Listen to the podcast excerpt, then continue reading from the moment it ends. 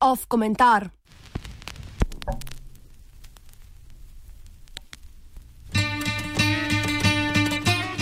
Pustite jih, naj delajo.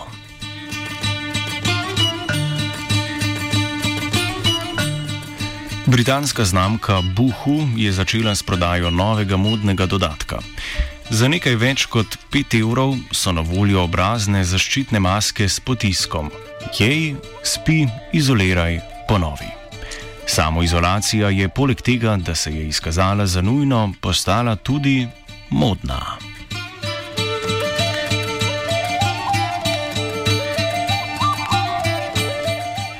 Izolacijo in druge omejitve, ki so jih zaradi epidemije novega koronavirusa določile oblasti, smo bolj ali manj brez vprašanj sprejeli, pri čemer smo se zavestno odrekli določenim svoboščinam. Pokazalo se je, da je najučinkovitejši ukrep za zaezitev virusa izogibanje osebnim stikom in zato prekinitvi družbenega življenja nismo ugovarjali. Za upoštevanje strogih predpisov je dovolj, da te skrbi zase, če že ne za druge. Pomankljivosti takšnega odnosa do trenutnega družbenega dogajanja so se pokazale, ko so vlade nekaterih držav krizne razmere izkoristile za sprejemanje ekstremnih ukrepov. Naprimer v obliki digitalnega nadzora potencialno obolelih posameznikov. Gre za prakso, ki je na kitajskem tako rekoč že samoumevna. Za Evropsko unijo pa naj zaradi prevelikega odora v zasebnost, vsaj za zdaj, ne bi prišla v poštev.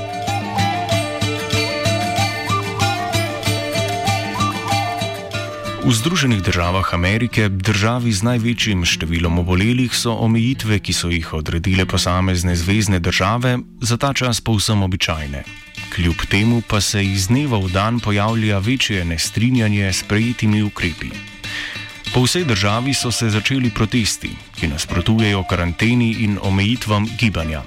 Med protestniki so predvsem zagovorniki skrajne desnice, ki so se sicer v majhnem številu dobesedno s puško na rami odpravili na ulice, kjer zahtevajo ponovno svobodo. Združene države so vendarle land of the free. V tej deželi svobodnih zaradi novega koronavirusa v dosti večji meri umirajo manjšine in revni, kar pa večinsko belopoltih upornikov, potrošnikov ne zanima tako zelo.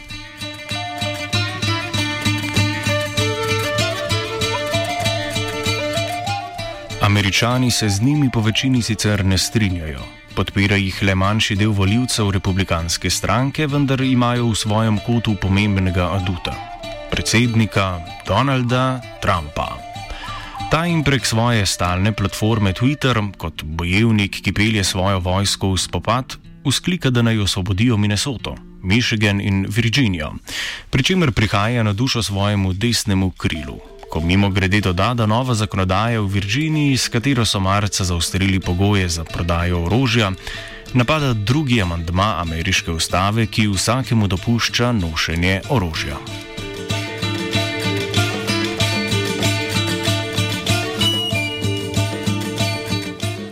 Trump Prav tako kot brazilski predsednik Jair Bolsonaro že od vsega začetka v novem koronavirusu ne vidi tolikšne nevarnosti in odločno nasprotuje predvsem demokratskim guvernerjem nekaterih zvezdnih držav, ki svojimi ukrepi po njegovem preveč paničarijo in po nepotrebnem zaustavljajo ameriško gospodarstvo.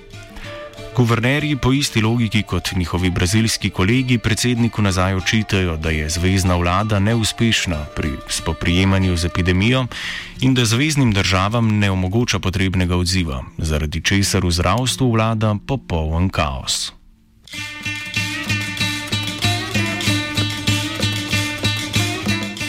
Predvsem južne zvezdne države, kjer obolelih ni toliko, so nekatere ukrepe že začele rahljati.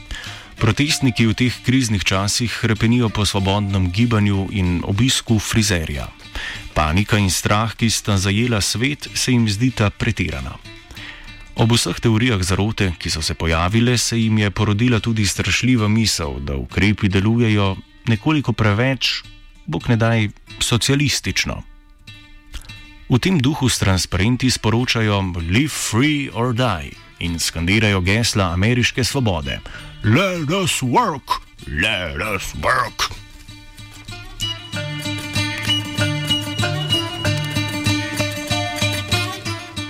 Želijo se vrniti nazaj na delo, zahtevajo odprtje podjetij, katerih delovanje so oblasti označile za nenujno.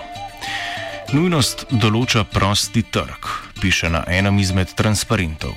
Američani množično izgubljajo službe. Tako visoke stopnje brezposelnosti v Združenih državah ni bilo že od velike gospodarske krize v 30 letih prejšnjega stoletja. Od sredine marca je vlogo za nadomestilo za brezposelnost oddalo že več kot 22 milijonov ljudi. Pri oddaji prošen se zaradi velikega navala pojavljajo mnoge težave. Izplačila tudi množično zamujajo. Kolikšno nadomestilo dobi posameznik je odvisno od zvezdne države, v kateri dela. Pred epidemijo je nadomestek povprečno znašal približno 347 evrov na teden. Potem, ko je ameriški kongres sprejel svežen ukrepov, urednih rekordnih 2000 milijard evrov, bi moral vsak, poleg že obstoječega nadomestka, dobiti dodatnih 554 evrov tedensko in sicer do julija. Za primerjavo, v letu 2019 je nekdo, ki je bil zaposlen za polni delovni čas, dobil v povprečju približno 861 evrov na teden. Približno polovici upravičencev država teh dodatnih 500 evrov že več tednov ni izplačala. Veliko jih je tako ostalo brez vsakršnega prihodka. Zahteva po vrnitvi na delo se tako morda več ne zdi tako nenavadna.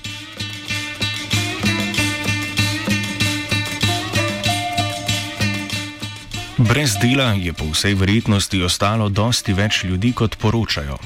V večini zvezdnih držav namreč honorirani delavci in samozaposleni še vedno ne morejo zaprositi za pomoč. Za zdaj le v 19 državah sprejemajo potrošnje oziroma prošnje honoriranih delavcev in drugih, ki jim v nekriznih razmerah pomoč ne bi pripadala. V želji, da bi bile ekonomske posledice epidemije čim manjše, je ameriška vlada ponudila obsežno pomoč tudi manjšim podjetjem, da bi ta lahko ohranila delavce, a so sredstva za ta program že presahnila. Od četrtka dalje tako več ne sprejemajo prošen za to vrstno denarno pomoč.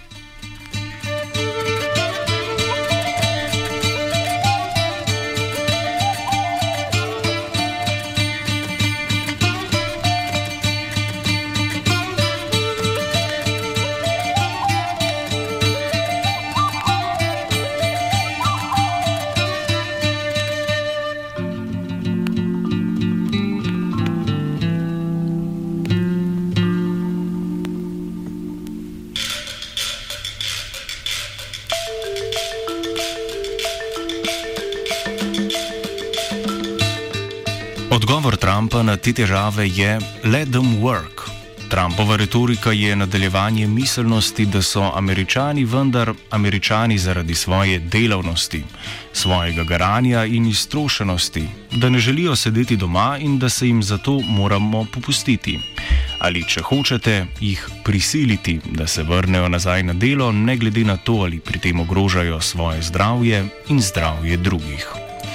George W. Bush je leta 2005 kot predsednik države ločeni mami treh otrok, ki mu je ravno kar povedala, da ima tri službe, odgovoril: Tri službe imate?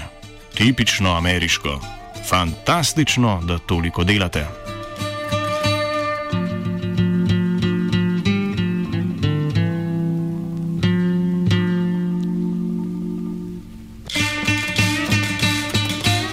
Ta miselnost pa ni ekskluzivna za republikance.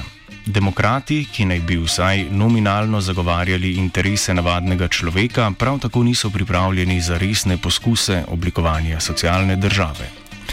Njihov predsedniški kandidat Joe Biden je v preteklosti odločno nasprotoval višanju potrošnje za socialne izdatke. Seveda vse v interesu proračuna, s katerim pa demokrati nikoli niso imeli težav razsipavati, ko je bilo treba financirati vojaške podvige in pomoč podjetjem ter bankam. Biden tudi sedaj v izjavah za javnost ne deluje nič spodbudno in odločno, njegova mlačnost in ravnodušnost pa prihajata lepo do izraza. Demokrati so tako kot republikanci stranka elit da bi se usmerili vsaj nekoliko bolj v levo, jih je, jih oziroma ni prepričal niti poraz Hillary Clinton leta 2016 v času največje globalne epidemije v zadnjem stoletju, pa se v boj za Belo hišo podajajo še enim pripadnikom stare garde, potem ko so aktivno sabotirali kampanjo Bernieja Sandersa.